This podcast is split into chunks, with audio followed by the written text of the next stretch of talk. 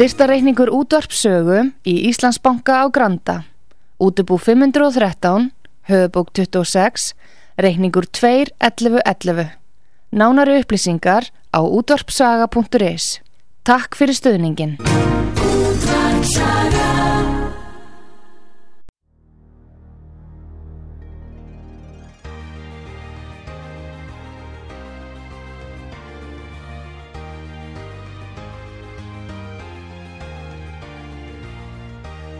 Heimsmálinn í umsjón Pétur Gunnlaugssonar. Fréttir og fréttatengt efni af Erlendum Vettvangi.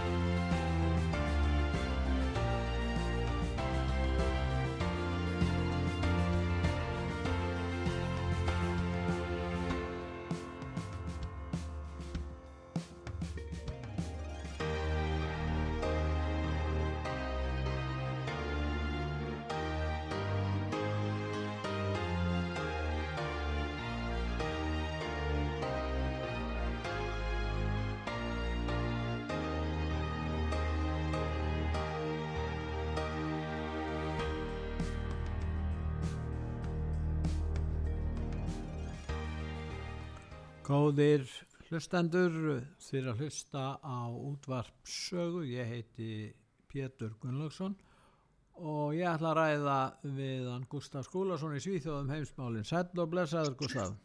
Já, marg blessaður Pétur, marg blessaður útvarpsöga.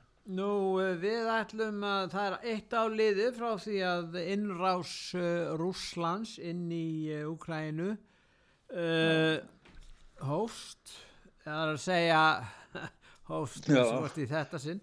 Og, og hérna nú er það þannig að uh, það má kannski segja að Stoltenbergen sem er nú hætta núna hann er að fara að gera vinna við önnu störf en uh, hann hafi svona haldið því fram að hérna að stríðið hafi ekki byrjað í fyrra í lok februar heldur 2022 heldur uh, 2014 en þetta er náttúrulega svolítið stort atrið í þessu máli Þetta vakti mjög miklu aðtikli og hefur verið mikið rætt um og skrifa um allavega í, á valkostamilum því að þetta er náttúrulega algjör viðkenning á því þetta er sama, sama afstæða og rúsar hafa sagt allan tíman að sko stríðið hafi ekki byrjað, innrásin byrjaði þegar fóru inn þarna í februari fyrra en það er búið að vera innan lands styrjöld síðan 2014 og Stoltenberger hann, hann lísti, þetta var svar, hann var á blagamannafundi og fekk spurningum um þetta mál frá blagamanna AP og, og hérna það sem hann svaraði og við erum með hljóput við ættum kannski bara að hlusta beint á hann því hann segir þetta svo skýrt. Já, við skulum gera það. The war didn't start in February last year. The war started in 2014, and since 2014, NATO allies have provided support to Ukraine with training, with equipment, uh, so the Ukrainian armed forces were much stronger in 2022 than they were in 2020 in 2014, and of course that made a huge difference when uh, President Putin uh, decided to attack Ukraine. Já, þetta skiptir máli vegna þess að þá er því hefur haldið fram núna að þetta sé bara hluti af heimsvalda stefnu rúsa og beinist gegn vestrænu gildum og þess vegna sé Úkræna vergi raun og veru Vesturland. Ef að stríðið hóst 2014 þá er erfiðar að raukst þetta með þessum hætti því að þeir held við fram rúsandin þeir verið að verja rúsneska þjóðarbrotið í Úkrænu sem að raunar Úkrænum en kvítrúsar og, og rússar skrifuð undir eftir fall Sovjetríkjana ætti að virða. Þannig að, já, það er svona ímsett að koma betur í ljós. En, já, og það, það er sko, sko, minnsk samkómulagi Já, svo, það var byggt á þessu samkómulagi um að virða þjóðarbroti rúsneska það er auðvitað misk samkómulagin þetta var ekki Já, bara eitt já. af fleira að, að var byggt á þessu en síðan kom í ljós að menn vildi ekki halda sér við það.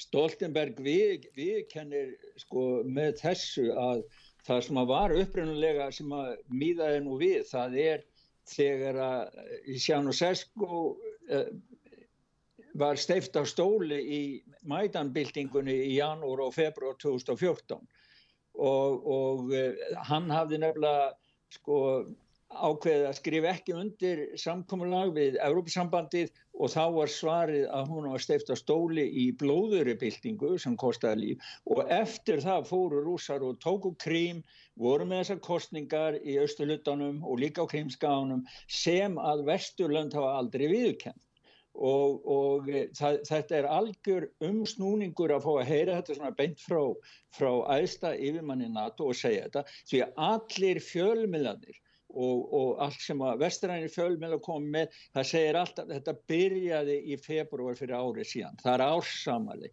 og þá er eins og það sé verið að strika yfir allt sem gerðist áður en það var sem sagt mjög gott að hann sagði þetta finnst mér. Já, en nú er allar hann að vera selabankarstjóri en það þarf að kjósa vist um nýjan selabankarstjóra hérna í Noregi. Það er talsvert uh, valda mikið embætt í svona auðugu ríki. Já, það bara sést sko að, að á, á þessum level, á þessu, þessu high level sko að, að þetta, þessi embætti, jábel þó að það sé spurningum að drepa og, og, og ráða að hafa valdi við lífi, lífi fólks, að þá er þetta nú bara mest bara spurningum peningaverki og eigin frama sko, hjá mörgum af þessum embættismönnum sem eru á alþjóðu vettvangi. En það er aðteglisvert að geta þess hér að Stoltenberg var uh, í háskóla með Arþúr Karlsdóttir þegar hún var í háskóla í Nóri þau Já. verður sólarskist að þau þekkjast Þannig að þau eru bekkja bræður. Já, þau eru bekkjarsískin og voru þar í, í háskóla og, og hérna Já, og hérna þannig að þessi Stoltenberg, hann, eh, faðir hans var nú líka þekktur eh, stjórnmálamæður og mikill krati þannig að eh, en hann er að hætta í þessu ég held að hann allan verði ekki bara ánæður að vera komin í annað starf það eru fró, frólætt að heyra út að stjóra, út að sögu, koma og, og segja frá þessum kynum. Það verið frólætt. Hefur nú gert það, nú er gott að rifja það upp líka. En síðan Já. er það fleiri, það er til dæmis Donald Trump sem heldur til fram að þessi byltingi Úkrænu 2014 að, að í raun og veru bandaríkjamenn, hann er að segja að þeir hafi staðið á bakvið þetta og, og Barack Obama og hans ríkistjórn þar á meðal Biden stjórnin og hérna og Hillary Clinton hafi staðið á. Já, hann, hann segir sko, hann, hann er nú að lýsa yfir, hann er eiginlega komin í kostningabaráttu gýrin sko, því að hann er að senda frá sér alls konar yfirlýsingar og komin á færð. En hann, hann, hann segir það að uh, Obama hafi stutt mætenbildingunni í Úgræna árið 2014 og hann segir það að hann, ef verði hann endurkjörin sem fórseti bandarækjana, uh, Trump, þá muni hann fara hart á eftir í djúbríkið og koma burtu þessum embættismönnum sem hann segir að geti bara dreigi bandaríkinu út í stríð en hafa engin ráð á höndum sér hvernig á að taka bandaríkjamenn úr stríðum eða átökum. Við erum með hljóput frá honum. við ættum að Það hlusta kom á að það heyra, líka. jú. World War III has never been closer than it is right now. We need to clean house of all of the warmongers and America last globalists and the deep state, the Pentagon, the State Department, and the national security industrial complex. One of the reasons I was the only president in generations who didn't start a war is that I was the only president who rejected the catastrophic advice of many of Washington's generals, bureaucrats, and the so called diplomats who only know how to get us into conflict, but they don't know how to get us out. For decades, we've had the very same people, such as Victoria Nuland and many others just like her, obsessed with pushing Ukraine toward NATO, not to mention the State Department support for uprisings in Ukraine. Uh, uh, hérna, Gústaf, það er merkilegt Já. við þessa yfirlýsingu. Nú er hann í frambóði og aðrir demokrater sem er að fara í frambóð og eru búin að lýsa yfir stöðningi, þeir hafa aðra afstöðu þeir styðja eindreið Úkrænu þar að segja það gerir hann, hann í raun og veru er ekki að bera í bætifláka fyrir uh, innrásina en hann segir í raun og veru að þetta séu strísæsingamenn og uh, hérna það sé djúbríkið og þeir séu að skada bandaríkin og koma bandaríkin í alls konar átök sem hann hafi verið fyrsti fósitt í langan tíma sem að sjá til þess að bandaríkin menn fóru ekki út í einhvers konar ný átök. Einmitt, þannig já, að þetta er svolítið mikilvægt. Þarna verður hann. Það er náttúrulega þeir Já. sem að styðja sko eindreið Úkræn og telja bara að, að, að aðdragandinn og, og hérna að þessi stríði hafi allt verið rússum að kenna það er nú svona viðhorf að þá verða, verður þetta kostninga ágreiningur og deiluefni og ágreinismál í væntalegum fórsitakostningum í bandaríku sem fara fram á næsta ári Já, það var náttúrulega, hann er, hann er komin í sko kostningaframbóðskýrin en, en republikanar eiga nú eftir formlega að ákveða hver, hver í frambóð þeirra frambóðsæðali en það reiknar nú allir með því að það verði hann.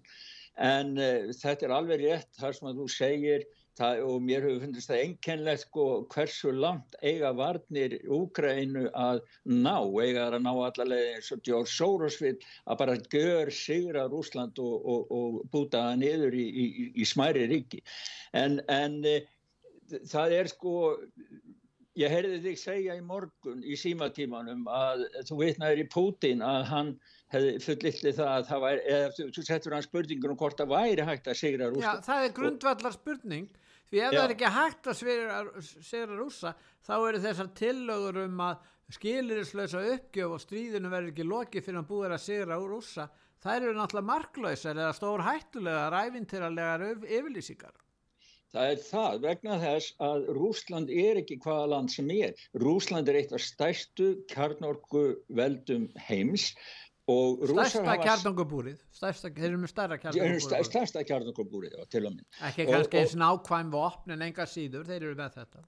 Já, já. Og þeir hafa sagt að, að ef að það, þeir upplifi það að, verið, að, að, að Vesturlöndi að NATO ráðist á þeirra ríki þannig að þeir upplifi það að, heimili þeirra og almenni rúsa séu hættu þá munum þeir náttúrulega beita þeim vopnum sem þeir hafa og það inni, inni feli kjarnorkuvopn. Þannig að sko það er ekki hægt að horfa fram hjá þessari, þetta er staðurinn, það, sko, það er eins og að, að e, stríðsæsingamenninni í Washington og, og allt þetta lið sem er í kringum keisaran og sér ekki hann er nakin og bara, bara, bara Úgræna, bara vinna Rúsland og bara meiri vopn og allt þetta. Sko, sko það er eins og það gerir sér ekki grein fyrir þessari staðrind að hinum einn er stærsta kjarnorku veldi heims. Og hverjir vilja fá kjarnorku helfur því að það er þýðir ekki bara hundruðum þúsunda og ekki bara 20 miljóna að því er hundruðum miljóna og jafnveil miljarda lífa sem að verður spilt ef að allt fyrir böndunum.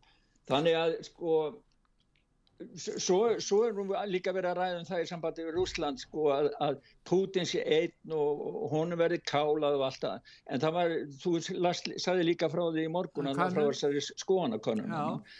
Og, og það, ma maður sér það alveg sko, sko stemningin í Rúslandi verið smér, ég, nú veit ég ekkert ég hef aldrei verið í Moskvu en eitt og þekki ekki til að maður en mér sýnist hérðan frá síð og stemningin vera svona að það við erum stöndum saman, við verjum heimilin okkar.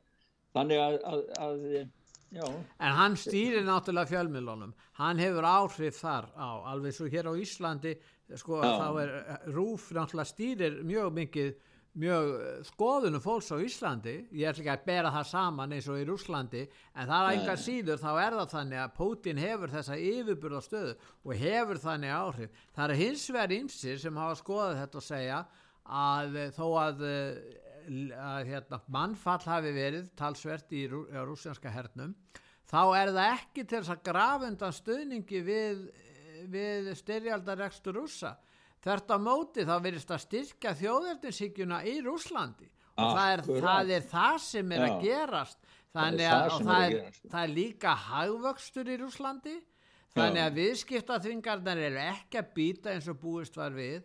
Þannig að, að hvaða skoðun sem menn hafa og áherslur þá er um að gera að menn haldur sér við staðrindir í þessu máli. Rússland stendur ekki eins illa eins og margir stjórnmálamenn á Vesturlöndu virðast halda fram og hafa haldið fram og segja eins og við þessi utaríkisráð þegar Evrópusambansins ef það má kalla hann það er hann utaríkisráð þegar þessi hérna talsmaður, Borrell? hann er, hann er komissjóner sko, Já, já, þeir- talsmaður í utaríkismálum, Já, hann er já. náttúrulega bara utaríkisráðherra þeir vilja Jú, bara líta á sem þeir ríki sko. Jú, jú, hann, hann er það, en hann segir mikilvægast fyrir Evrópa Evró, að Úkraina fá vopn til að vinna stríðið. Að vinna stríðið er að vinna stríðið á vígvellinum og að vinna stríðið á vígvellinum þýðir það að rússar verði að fara frá Dónas, frá Donban og, og öllum þeim svæðum í östulutanum og frá Krím. Donbass, Östuhjöránum, Já. frá Krím fara út fyrir landamærin eins og þau voru fyrir 2014 En að- þótt þetta væri siðfélag réttlætalegt ef við gerum það, Mm. er þetta raunhæft? Og með að við það verið sér að sækjast eftir einhvers konar fríða niðurstöðu vopnalli, það held Já, ég. þetta, þetta er nú miljón dollara spurningi sem þú kemur með, hvort þetta sé raunað. Því að þetta er það sem að sko, umræðin snýst um í dag. Það er náttúrulega ekki raunað sko, hvað, hvaða aflengar hefur kjartangur styrjur. Hverjir eru, sko, það eru svona eins og geðveikislegir, sko, það er þess vegna sem að Trump segir alveg réttilega að berjast gegn þessum aðalum í Washington sem að eru að etja bandaríkjamönnum út í stríð. Við, það, það, við erum með tilvittnar í, í uh, hugveitu Atlantic Council sem við höfum talað um nokkru sinnum í okkar, okkar þáttum hér. Það sem að þeir segja að bandaríkjamenn geta unnið bæði Rúsland og Kína samtímis, jafnvel þó að verði kjarnorku stríð, vegna þess að bandaríkja menn séu með meiri framleiði, framleiðni og framleiði meiri græur heldur en rússar og Kína samanlagt. Já, Senst að þá er ekki spurningur um mannfall, hverju degi eða annað, það bara, við erum með, getum framleitt meira vopnum og þá getum við unni stríð. en jafnvel þessi staðhæfing er vafasönd því að kynverður er konar með talsveit stærri flota en bandaríkjamenn. Bandaríkjamenn voru eftir að breytar voru ekki lengur flotaveldi nummer eitt í heiminum með langstæsta flotan og meðan út um allan heim. Nú er þetta Já. breytast þannig að að Þetta sko. og, og, og Biden er ekki að eyða nema millir 2 og 3% af landsframleiðslu í herin eh, hérna Trump var fór upp í 5,6% hann vildi hafa mjög sterkar varnir. Það hafa ekkert verið að styrkjast. Þannig að, að það leikur ekkert fyrir að bandarískir yfirburðir á hernaðsviðinu sé endilega til staðar núna. Nei, og en svo er, en svo er sko, sko strí, við höfum stríðsækningamennina þar fyrir, altså, fyrir Vestanhafs og, svo hö- allstar já, og svo höfum við þannan utaríkiskommissionær Joseph Borrell sem að sko vill bara nú skulum við hætta að tala, nú skulum við bara fara að vopnast og, og framleiða vopn og, og, og en senda ekki, meiri að- ef ekki vopn að hlusta á hann? Jú, það er er alveg ljóðbútið ágætt. með hann við skulum hlusta á þennan utaríkisráð þeirra Evrópu, hann verður kannski utaríkisráð þeirra okkar ef við göngum í Evrópusambandi hvernig er það? The first and most urgent thing that the geopolitical Europe has to do is to arm Ukraine. If we said, as all the European leaders here said yesterday, that Russia cannot win this war, that Ukraine has to prevail, then let's go from the words to the facts and accelerate our military support to Ukraine because Ukraine is in a critical situation from the point of view of the munition available. We have to use what we have. Já, hann telur það mikilvægastu fyrir Európa að Úkraina fái vopn til að vinna stríðið. Það, og rússar geti ekki unni stríðið og þess vegna geti Úkraina unni stríðið og þurfi meiri vopn frá. Þetta er stefnan, hvað segir þú? Þetta er nákvæmlega eins og Alexander Vucic, fórseti Serbíu sagði, hann sagði sko þeir framlega, þeir eru komin í svoleiðis gýr, þeir stór græða á Ukrænustriðinu í Serbíu, hann segir skotfærin seljast eins og heita lumur og þeir eru með svona, þeir verða, þeir hafa stór auki framlegslu bæði á skotfærum, vopnum og annað. Og hann sagði allir þurfa skotfæri, allir kaupa allt sem allt sem við getum búið til að selja og sérstaklega selja skotfæri eins og heita lumur.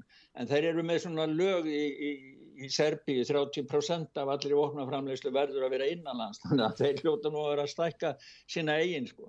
En þetta er, en og svo, svo er, sko það er sem að ma- maður hlustar á, á leiðtóin eins og til dæmis leiðtóga Danmörku sem, að, sem að sagði það að, að þetta sé alheimstríð með gildi, þau náttúrulega hittist all þarna á öryggisráðstæðinu munnsjön þar sem að þau voru að ræða þessi mál globalistar og, og, og stjórnmálamenn sem að eru bara endur taka, eru bara málpípur þeirra, má maður eiginlega segja. Eins og það ég hugsaði nú þegar við vorum að hlusta á hann hérna, utanengisráð þeirra Európisambassins og utanengisráð þeirra Íslands segir náttúrulega aldrei neitt sem er öðruvísi heldur en þessi maður segir. Nei, en, en sko Metti Fredriksson ef þú tala um fórsettisáður að Já, Danmörku, já, hann, já, Mette, hún eins og ymsir sem eru þarna á Vesturlöndum leggja þunga áherslu á þetta atriði að Úkræna er að berjast ekki bara fyrir Úkrænu til að verja fullveld og sjálfstæði Úkrænu heldur fyrir Vesturlönd, fyrir gildi Vesturlanda.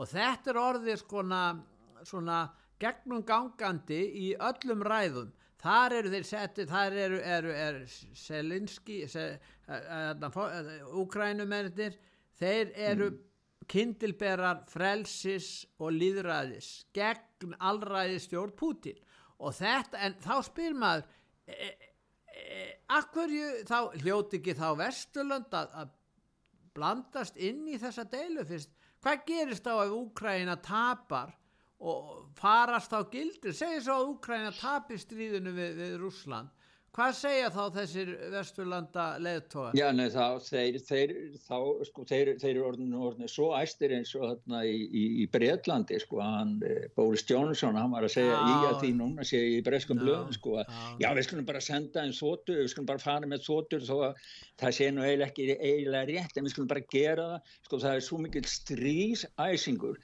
sko, það er þið, ég, sko, Úkrænu verður ekki leift að tapa vegna þess að þetta er ekki úkrænumenn sem eru í stríðarna, þeir eru bara venjulegt fólk, borgarar, úkrænufólk, það er bara notað, það er bara alveg hreint eins og í setni heimstyrjöldinni, vettvangur fyrir eh, sagt valdatafl stórveldana og hér eru við annars vegar með NATO og vestuveldin sem að sko þegar maður gleymir þessari sögu að þetta var innanlands styrjöld var, það, var, það voru aðskilna sinnar í austur hluta Úkrænu, rúsnesku mælandi sem upplýði sjáum sem meira tilhera Rúslandi og það var fóru fram atkvæðgreisli hjá þeim þó að það megi sjálfsagt segja að það hafi ekki verið alveg fullkomnar og allt það, þar sem að þeir lístu yfir að þeir vildu skilja sér frá Úkrænu og ganga með í Rúsland og kannski var það ólöglega að hvað greiðsla með og hvernig stjórnarskra Úgrænu er ég þekki það ekki nákvæmlega en það var allavega vilji fólksins í austurlutanum að tilhera Rúsland en ekki Úgrænu og ef maður gleymir þessu þessari sögu og, og þessum bakgrunni já þá bara enda maður í þriðu heimstörlutin Það getur engin orði sigurvegar í þessu stríði. Löndin eru það stór, Rússland er það stórt og með kjarnorkuvopn mun aldrei gefast upp í þessu átökum. Svo hefur verið sko í áráðustriðinu þá hefur verið til dæmis núna var, sé, ég hafa verið gert mikið grín af NATO, þeir eru að byrta sko, þeir týsta voru mikið hjá NATO sem sagt hernabandalagi Já. og þeir voru að koma núna með svona týst sko, þar sem er að segja við erum, við erum Harry Potter Uh, við erum William Wallace, við erum Navi og Hans Solo, við flýgum frá Svarsang og sprengjum dauðastjörnuna í loftu, við berjumst við Harkonis og skorum á tann. Þeir eru að nota sko stjörnustriði og Harry Potter sögunar sem rauksenda fæsli til að skapa einhverja svona, hvað ég var að segja, stuðning við Úkrænu. En það eru þarna þingmenn eins og Viktor Orbán sem er fórsinsráður á Ungverðarlands, ekki mjög vinsall í Európa-sambundinu, hann segir friður einarlausn. SB-þingona frá Írlandi segir tími til komin að fólk rýsa upp, það er friður einarlausn, við getum hlusta á hana. Síðan segja kynverja líka, þeir vil kalla vopnalli í Úkrænu og eru með friðaviðræð með 12 punta, þarna eru þeir líka, en við skulum hlusta á hana, hana Já, Claire og ekki, Daly. ekki gleyma, ekki gleyma fríðatölugunni sem að saminuðu það samþýttu, hún ræði það líka. Já. Hlust, hlustum á Claire. This is not now about defending Ukraine, it's about Ukraine must win. What does that even mean? Last April, there was a deal on the table which would have seen Russia withdraw in return for Ukrainian non NATO membership, but Ukraine's Western friends Killer clown Boris Johnson and NATO rocked into town and told them to keep fighting. The result? Six cities devastated, four provinces illegally annexed, 108 billion euros in aid, which the people of Ukraine are going to have to pay back over decades, global food and energy crisis. Is this winning? Ordinary people don't win in wars. They're cannon fodder in the games of others. And ye can shout glory in here all you like, but there's no glory in the grave, and only graves come out of this folly. It's time for people and the silent majority all over Europe to take to the streets this weekend and demand peace and an end to the war. Já, friðaræða hjá Claire Daly og, þetta stíðið skilur ekkert eftir sinum að grafir. En, en, uh, en þessi friðatela saminu þjóðuna, hún er náttúrulega, hún er svolítið sérkjörlega, álíktunum frið í Úkrænu hlaut afgerandi stöðning. Hvað segir um þetta?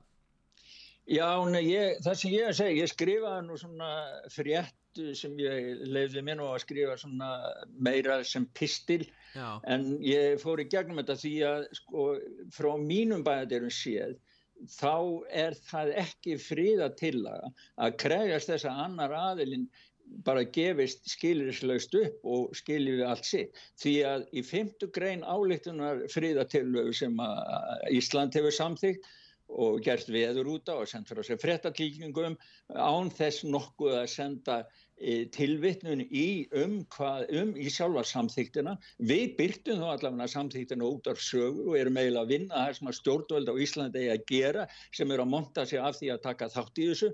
En í fymtu grein álíktunar og ég vitna segir alls herjar ráð saminuð þjóðana ítrekar kröfu sína um að rúsneska sambandsríki drægi skilirislaust, tafarlaust og fullkomlega allt herlið sitt tilbaka Já. frá yfirráðasvæði Úgrænu Já. innan alþjóðlegra viðurkendra landamæra þess og kallar eftir því að hernar átökum verði hægt Já, uh, uh, og tilveitnum lokið.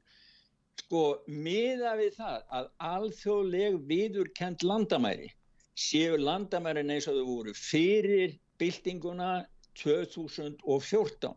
Það er að segja áður en að e, aðskilnar, silnar, e, báðu, rús, báðu um uppgöngu í, í rúsneska sambandsríkið og áður en rúsar komu og tóku krím, þá náttúrulega er þetta bara krafa um skilirisleisa uppgjöf að rúsa tekki saman allt herrið sitt og hverfi frá þessum löndum. Það mun aldrei gerast vegna þess að deilan, grundvöldu deilanar er akkurat um þetta ástand og hvað þessi landamæri eiga að vera. Og ég hef sagt það áður og get sagt það enn að sumir strísarsinga menn hérna á Vesturlöndum þeir haga sér þannig að, að það er þannig að síðasti lifandi maður á jörðinni eigi að taka reglustrykuna eða, eða, eða stikkuna, stinginni í jörðina einhver staðar í Úgrænu eða í Rúslandi eða hvar sér sem er og segja hér eiga landamærin, að vera. En hvað verða þá margir lífandi eftir til þess að einu sinna sjá það eða frétta því?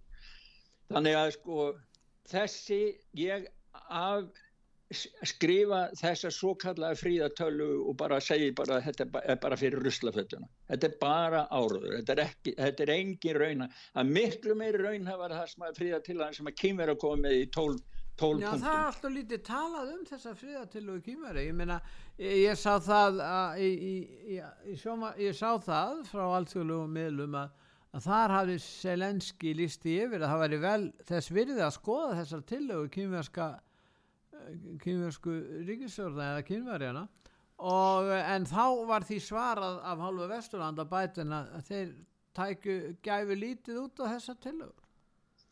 Já, ég, sko, ég, með, með Selenski að þá, sko, hugsa ég nú að það er ekki gott fyrir hann ef að kýmverjar og rússar fara að vinna saman og ef að kýmverjar fara að láta rússa hafa vopn til það er náttúrulega snar vestnast að Úkrænu og allra Vesturlanda og hættan á, á heimstyrjöld eikst. Það skilja held ég allir og, og, og hljóta að finna ef að kýmverjar fara að blanda sér inn í þetta. En þá Og- meira. Já, og, og svo segja náttúrulega uh, aðild, aðilar á Vesturlandum, þeir segja náttúrulega að ef kýmur að fara að senda vokk, þá eru þeir orðin hluti á stríðinu. En það er það ekki skrítið ef að NATO sendur vokk, þá eru þeir ekki hluti á stríðinu. Það er mjög mikið ójabvægi í því hvernig málflutningurinn er varðandi þetta. Síðan var ég að setja frétti núna áðan þar sem að sko, Þískaland, sko, NATO-ríki eru að, að ræða þessa til. Við getum kannski aðeins og ættum kannski aðeins á því að segja það bara aðeins að segja frá þessari tilugu frá Kína Já. sko í, í texta ef maður bara lítur á sjálfan textan þá er þetta afskaplega skinsamlega tilugur sem miða fríði fyrsta, fyrsta uh, klásulan ein, fyrsti punkturinn einn af uh, tólf fjallar um það að virða fullveldi allra landa og það er ekki sem sagt og það er að yfirgefa nummið tvö, yfirgefa hugagar fara kaldastrýsins því ekki megi taka öryggi, vinna öryggi eins lands á kostnað öryggis annara landa. Og svo leggja þau til í þriðapunkti stöðvið tafalaust hernaði komið á viðtækku vopnahliði og því að þeir segja í inganginum þá segja það sko átök og stríð gagnast engum. Allir aðeinar verða að vera skinsamur og gæta hófs, forðast að hella óli og eldin og auka spennu og komi í veg fyrir að stríðið aukist frekar eða fara í apalú böndunum. Þannig að þeir eru með beina tilugu vopnahlið og svo fríðasamningar sem að er bara það eina rétt að finnst mér að það er allir, ef allir gætu saminast um það, þá myndi stríði stoppa og svo setjast menni yfir ræða. En það er aðteglarsverk að kymurinn segja í fjórða lið þessara tillagna, hefja friðaviðræður að nýju. Já. Hefja friðaviðræður, þeir líta svo að friðarviðræður hafi hafist áður og hvort þeir leita aftur til minnsk uppaflega eða annara aðra, það kemur ekki bent fram í þessu En það var spurningu það hvort að Tyrkirnir hafi sínu tíma komið fram með fríðatillögu líka sem lítið var fjallað um. Já svo skils mér, ég hef bara ekki fundið en þá, ég hef eftir að finna það, ég þarf að aðtúa það, að saminuð þjóðan hafi sagt að sko sett sér á bakvið Minsk og, og, og bóðað að allir ætti að halda Minsk samkómulegið og þannig að, að samþykti sem þeir komið með núna hún er ekki í, því, í þeim anda ef að það er rétt að þeir hafi samþýtt minnsk samningin áður. Ég var bara eftir að aðtúa það. Er svona þannig að hefja fríðarumræður að nýju, það er bundið við minnsk samkómalagi vegna þess að það eftir að, eftir að þeir sviku, eftir Angela Merkel og, og Vestuöldu sögðu það að þeir voru bara að vinna tíma að, og, og, og Selenski sagði að hann vildi ekkert semja neitt. Sko þá lagist allt niður. Þannig að þetta er mjög skiljanlegt út frá því. En það er aðdeglisvert í sambandi við friðar að, að í öryggisráði saminnið þjóðana er verið að fjalla um Nord Stream málið. Það er verið að fjalla um það þar. Og, og bæði á síðan hefur Hers, þessi rannsóknarblæðumæður, hann talar um að bandaríkjuminn hafi færum fram á ósannindið þarna og það er líka hljóðbútur með honum og hann er að lýsa því hvernig herflugur í Norðholm kvöldi sem Nord Stream var sprengt upp var þaðan. Þannig við getum hlusta á tvo hljóðbúta á, á Raymond McGovern sem var fyrverandi yfirmaði síja og hann já. er að tala um þetta Nord Stream mál sem er svolítið vandræðilegt fyrir stvera fyrir bandaríkin eða og síðan, er, og síðan er, það, er það þessi, hérna, þessi rannsóknarblæðumæður sem þekkti maður og, og búin að vera lengi og hlusta á hann hvað hann segir um þetta mál því að Mér finnst einhvern veginn að menn hafi ekkert farið honni í saumanni. Eru menn að segja hersi að ljúa þessu sem rannsóknarblæðumæður? Hafi... Já, já, þeir í kvítahúsinu sendu frá, voru fljóttir að senda frá sig yfirlýsing og að þetta væri bara algjörlega, þetta væri bara fantasi og ég man ekki alveg hvernig er orðið það. Sko, þeir bara afskruða allt sem bara ligar, hugar, óra og, og langt frá sannleikanum. Sko. En, en, og núna, sko, það, það við ættum að, að býða það setja einn smá frétt í morgunum það, það sem að þeir sko vestrann ríkin segist ekki til að ræða tiluna frá Kína vegna þess að þeir séu náttúrulega að ræða um eigin fríða tilug en samkvæmt fyrstu fréttum sem hafa komið að þeim fríða tilug frá vestrann ríkin þá er það bara að semja um vopnarlið og síðan alltaf er að dæla upp ennþá meiri vopnum og útbúa Úgrænu sem eitt fullkomnasta herrveldi svo er getið síðan farið og tekið krím á rúsum þannig að en sko þessi, þessi fundur hann í öryggisráðinu þann er að beini Rúslands og það er mjög gaman að hlusta á hann hérna Raymond hann Ray því að Hann er fyrirverandi yfir maður síja var að vinna fyrir sjö bandaríkjafósita, hann hefur talsverða reynslu þessi náðingi. hann hefur mikla, mikla reynslu sko. og það er mjög gaman að hlusta á hann vegna þess að hann er sjálfstætt hugsandi. Já, ættum að heyra í hún heyra í Raymond. And I had the privilege of working with uh, Vincent Harding, uh, Dr. Harding, who was the, the, the author of uh, Martin Luther King's speech on Vietnam. He had a song, and the song was, We're going to keep on moving forward. We're going to keep on loving our enemies. We're going to keep on loving our enemies. We're going to keep on loving our enemies. Never turning back, never turning back. And when I ask you all, because you have the power to do so, given to you after the last major world war, I ask you to do what's necessary so that no one kills the children anymore. Thank you very much. Já, Já, hann er, hann er mjög góð þessi maður, sko. hann er alveg, alveg sérstakur finnst mér sko.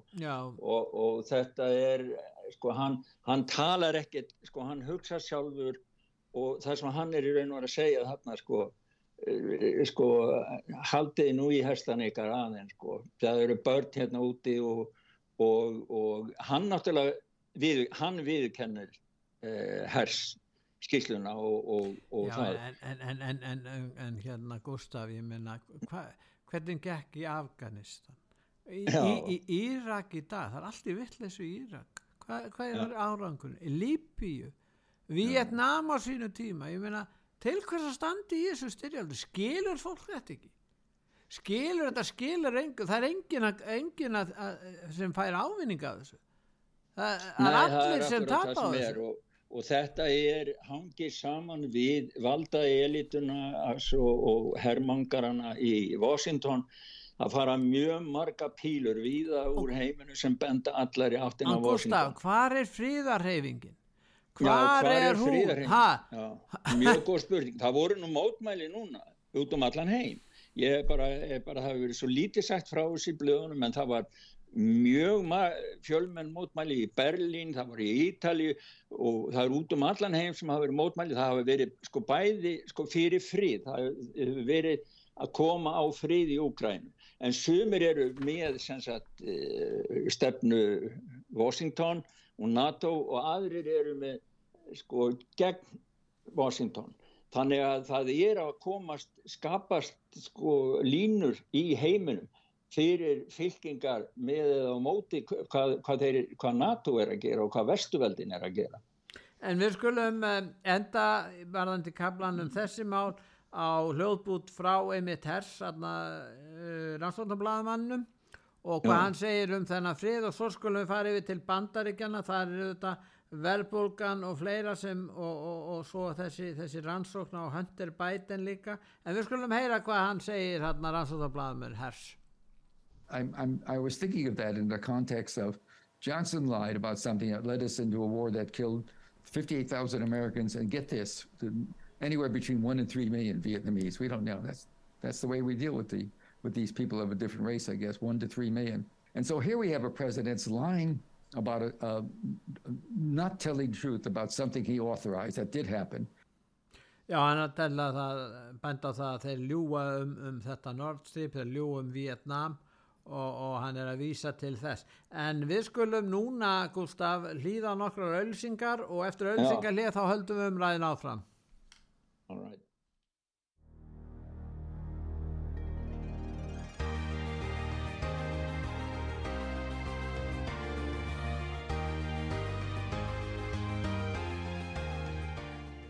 Góðir hlustendur, þið að hlusta á útvarp sögu, ég er að ræða hann Gustaf Skúlason. Gustaf, við förum til Ameríku, þar Já. er ymsið sem segja verðbólgan sé mun meiri, ástandið er mjög slæmt, það er eitt hérna sem við höfum sem að rekur skipti eh, markað í í kri- já, í norðvestur við Chicago, Kósísa, Kó- Kósík, Já, Kósísa. Peter Kosisa, hann, hann hérna, hann er mjög svona, uh, hann er þekktur því að hann uh, í búðinni þá erum stundum með beint streymi á YouTube, hefur marga YouTube og sem að fólk kemur og hann ræði við fólk um ástandi í samfélaginu og hann segir það bara að, að núna bara á þessu ári þá aldrei verið eins mikil aukning og að verbulgan sem mun meiri heldur en ofinberlega sagt frá því að fólk vanta peninga núna. Og við erum með hljóputumann og það er nefnilega sko, þessi svona tegund af verslunum, þetta er alveg svo hérna í Stokkólmi sko, veð, fólk fer út og reynir að panta eða veðsetta eigur sína og við þeirri vona að geta leist þær út síðar innan Já. einhvers ákveðins tímamarka þegar vantar peninga. Þannig að þetta er svona tilfinning fyrir hvernig ástandi er hjá þjóðinni sko. það ætlum að hlusta á hann. Hlustum á hljóput the whole January and February now, and this is today's February 15 as we are filming this, so we are kind of halfway through February. But we are seeing humongous increase in merchandise coming into the shop. People need money. So just to give you guys idea, today's February 15, so we are halfway through February. Last year, the whole February, we spent just a little bit over $26,000. Today is February 15th we almost already spent that kind of money halfway through 25 grand. Já, já, það segir, segir það sko þeir eru búin að að eigða sko næstu í helmingi meira heldur en við gerðum bara hálfum februar mánu núna. Þetta var hljóputi sem var, sem var á, á myndbandi hjá hann sem var, var frá 15. februar og við kannski, kannski tögum, kannski reynum að ná viðtali, viðtali við hann einhvern tíma síðan til þess að fylgjast betur með því að hann virðist hafa puttana á eða fingaruna á þjóðapúlsinum hann. Já, síðan hefur nú verið rætt ansi mikið um Uh, þetta, uh, þetta umhverfislis eða sem var Já, í Palestine í Ohio Já. og uh, menn spyrja akkur fór ekki bæti en þanga til að reyna að hjálpa sínu landsmönnum í staðan fyrir að þvæla stanna en það er eitt pistill líka Já, við ættum að sá pistill er svona því það er svo mikið reyði hann, þetta er nú lítið, lítið samfélag Hann heitir Kerenek Williams, hver er hann eiginlega? Já, þetta er bara einhver íbúið þarna sem er óanæðu með Joe Biden og endur speikla svolítið reyðina sem er þar. Sko. Sumi segja nú að, að, að Trump hafi svo mikið fylgið þarna að Joe Biden hafi ekki þórað að fara en náttúrulega Biden, en Biden var að fljúa til Úgræn og hann hafi ekki tíma fyrir þetta og svo þegar hann var spurður á blamanhundi þá bablaði hann eitthvað um það, já, hérna, já, Zoom, Zoom, ha, hvað er Zoom? Já, ég held ég hafi verið á Zoomi hjá þeim. En, en Trump not, not, maður getur sagt hvort hann hefur notvært sér ástandi Já, ekki. hann fór, hann fór með fulla vél af vatni og mat því að það er sko drikjavatni er ekki, ekki hæft að það hjá hann þetta, þetta voru lestarslýs fór lest út á spórunu sem var með fullt af svona alls konar efnum sem eituröðu í kring hann.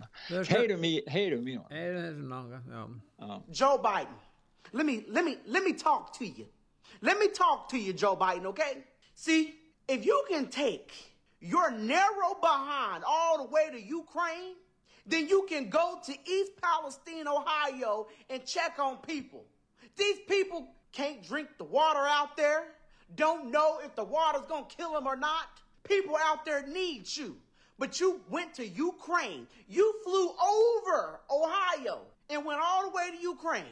But you're supposed to be the president of the United States of America. You are a freaking joke, Joe Biden. Já, hann var, svona, já, hann var ekki ánægð með hann. Nei, hann var ekki ánægð með hann. Þetta er svona, svona bara rött svona frá úr hafinu, skilur, sjóðarhafinu. Það er fleiri vandamál sem að hann verður að klást við hann hérna fósitinn. Það er viðskiptafélagi sem að sonur hans átt í samskiptu við. Hunter já. Biden átt í viðskiptu við hérna við mann sem heitir Erik Sverin hann, Já, hann, var... hann eh, ætlar að uh, vitt koma fram og, og verður leittu fram sem vittni uh, við hérna rannsóknar nefnd bandaríkjathings þegar þeir fara að rannsaka þetta Hunter Biden mál. Það er ekki góða frettir því hann hefur saldið fram að, að Biden væri á kafi í þessu með, með sinni sína Já, en, en, en, en það, já, það er ekki góða fréttir fyrir bætin. Nei. Það, nei, en það eru náttúrulega góða fréttir fyrir rannsóknarnemdina og hann formaður rannsóknarnemdarinnar eh, sagði það að ef að menn kæm ekki með góðu til þess að bera vittni þá myndi kæra og, og, og, og skipa fólki að koma fyrir nemdina og þannig að þetta verður mjög spennandi að fylgjast með þessu en, en, en að Erik Sverín, hann var fyrirvenandi fórstjóri fjárfyrstingafyrirtæki sem hundi Bidens Rosemont Seneca Partners Já. sem er núna búið að loka og leggja niður en það verður mjög spennandi fyrir okkur að fylgjast með hvað kemur upp úr þessu, þessu öllu saman. Já, og svo er að koma fram upplýsingar um það þegar að Biden var varafósiti þá fór hann að heimsóttan Úkrænu 12-13 sinnum á síðasta árinu sem hann var fórst. Af hverju var hann alltaf að fara til Úkrænu?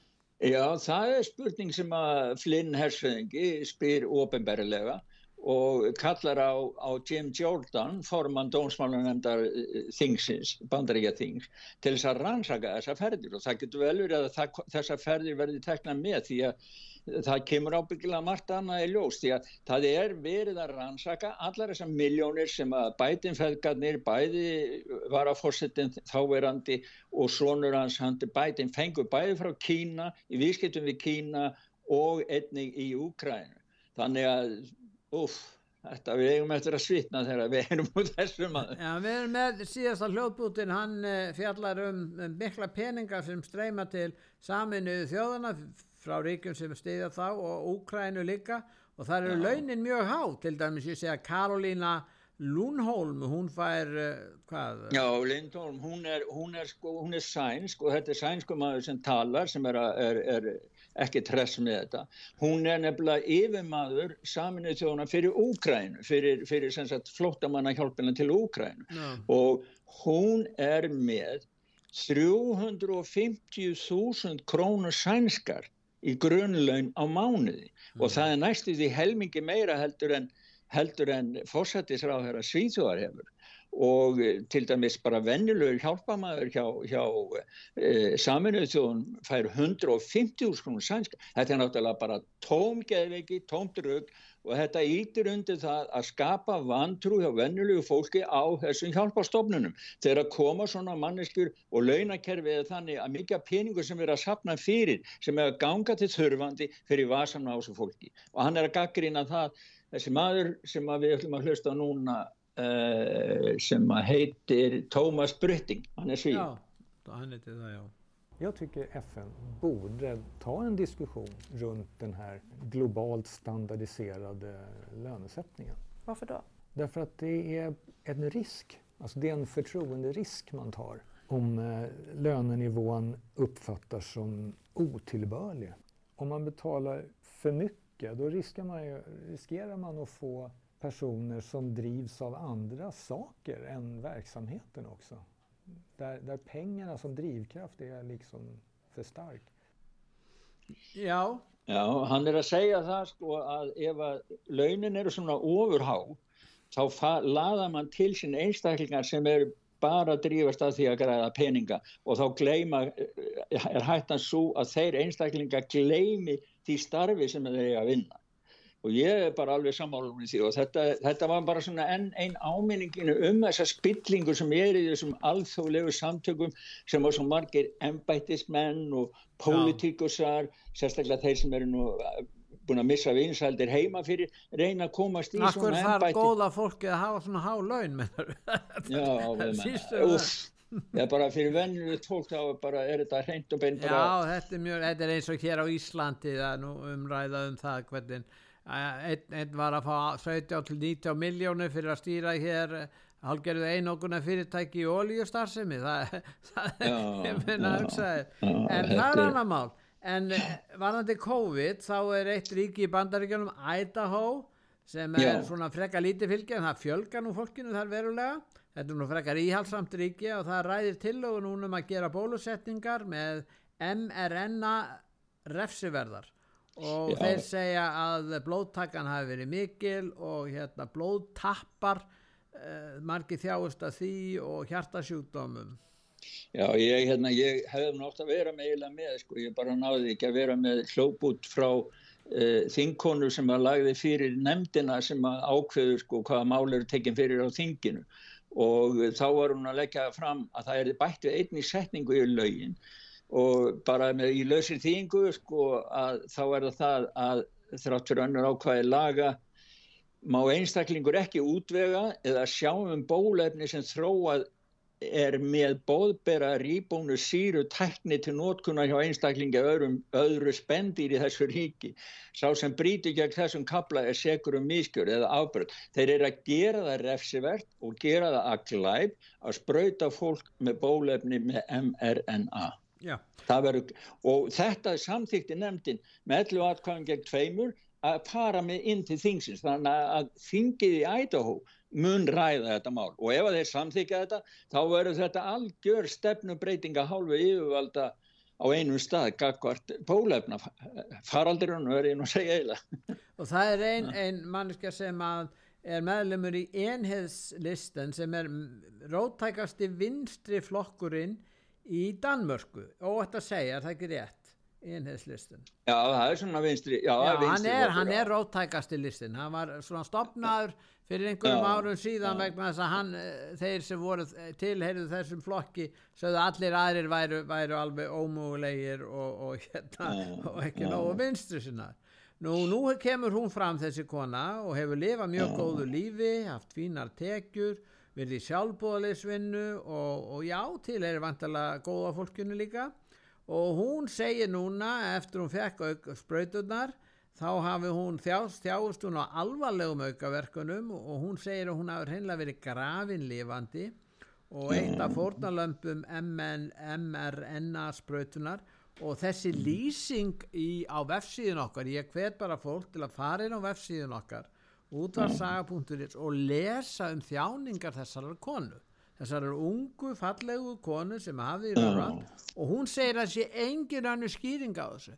En síðan fær hún engar hérna, fær hún ekki hérna, svör við þessu og, og svo er bara ásakanir um ímyndunar veiki og geðveiki og, og, en líf hennar hefur algjörlega breyst í martröð algjörlega og það bara hún hefur fengið sko fyrir aðstof og og góð þetta er fólk sem ekki samsæriskenning frá hægri sinnuðu öfgafólki svo ég leiði Nei. þetta það snögg. Pétur, þetta, þetta er samsæðiskenningu frá vinstra sinniðu heilbriðu fólki. Já, hvað góð en, en þó þessi manneskja og Nei, þetta er er mjög trúverðu og þetta er mjög þetta er- þetta er ítalegt þetta er alveg hræðilegt að lesa þetta og mér finnst nú lágmark að hún fái svör við þessu um ekki að konan eins og margir sem hafa fengið sprauturnar og farið ill út úr því Já, og þetta er bara eitt, eitt, eitt af þessum dæmum, skelvilegu dæmum. Hún er ennþá lifandi og sem sagt hún dó ekki, hún fjall ekki niður í hart áfalli eins og svo margir gera. Nei. En þannig að hún held meðvitund og getur líst þess og þannan hryllilega hátt hvernig líf hennar er. Og þetta er náttúrulega á að vera öllum öðrum víti til varnaðar að taka ekki þessa mRNA sprautur. Sko. Síðan er einn grein þarna í tengslu við þetta þar sem heit, ber heitið hvað var rétt hvað, hvað hefur eiginlega staðist að því sem okkur var sagt uh, þessi þrjú ár um, um þennan COVID uh, farald og málið er það, þannig er þetta rakið að það er nánast ekki neitt sem hefur verið rétt. Ekki neitt, Nei, það er tala um 20-30 atriði. Það er ekkert Gustaf og ég, Nei, ég hvet líka aðra bara áhuga bennu þessi mál og bara almenning að fara inn á vefsíðun okkar og lesa þessa grein Já, hún er- segir er meira en margar aðrar greinar sem hafa byrst Já, þetta er stutt, þetta er bara upptalning. Já. en þegar maður sér öll þessi atrið svona saman á einu lista þá verður þetta afskaplega umhugsunarvert því að maður getur spurt sig fyrir því að hvert atrið er, er heil málaflokku fyrir sig það eru útbreysla, PCR-prófin dánatínir, lokanir samfélagsmiðlatrögg skólalokanir og fyrirtækjalokanir að setja fólk í sótkví ála og súgrós og plexigler hindraði félagslega fjarlag og, og grímur og allt mögulegt. Það, hann bara segir til að endur taka það þeir höfðu allt rámt maður getur hugsað, tekið þessu orð og hugsað þetta, nei, það verður svolítið umhugsanar við verðum að fara í gegnum sví, sænsku fréttinnar bara hratt Já, bara hratt. þá badneignum fækka mikið í Svíþjóð og svo lagst þeir 54 ár í mörgum sveitafélögum þá er það Já. hvers vegna en okkur svar við því Nei, það er, það er ekkert svarið því. Nei. nú kirkjan á Það er ekki, þeir, í þeir, Sví- Ha, nei, þeir segja bara að það er erfitt að segja nákvæmlega hvað þætti liggja baki fæknum ba barningna.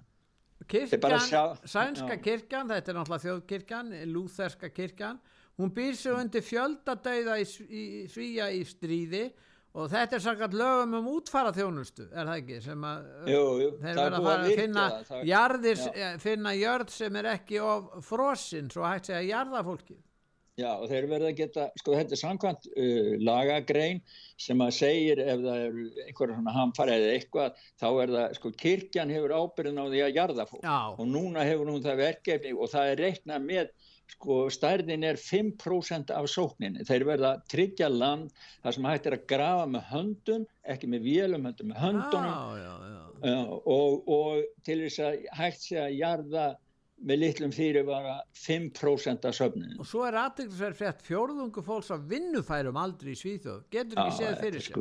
Já, þetta er alveg, þetta ef, er meira. ef, ef þetta fer upp í helming þá fer þetta að vera svolítið vond mál ekki nema þið fáið hérna róbotana strax Já, og námsmenn er ekki einu sinni með inn þessi, skilur. Þetta er yfir, yfir 1,3 miljónir. Já, hvað er þetta fólk að, hvað er þetta að gera? Þetta er bara 38, þetta er bara hryllir. Eru þeir á allir hvernig er það? Já, þeir eru allir bara á, á ríkinu, á alls konar bótum, alls konar bótum, bara til þess að ég bara lifa í þessum vandið. Já, síðan er það, eru svíja búin að fleia miklu magna bólefnum, við vissum það, þeir myndir nú gera það.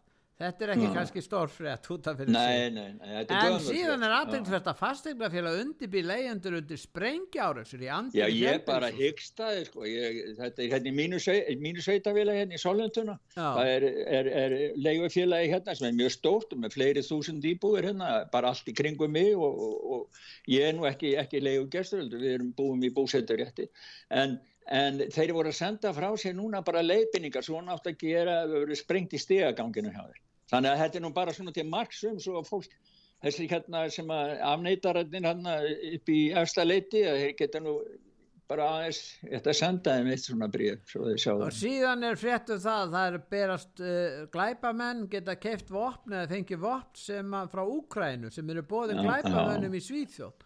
Þetta er Þannig að þessi að þetta. við, við, við Úkrænu kemur víða við. Þannig að það þarf að er selja skuggalegt. þessi vopn á svörtu markað einhver staðar í Svíþjóð.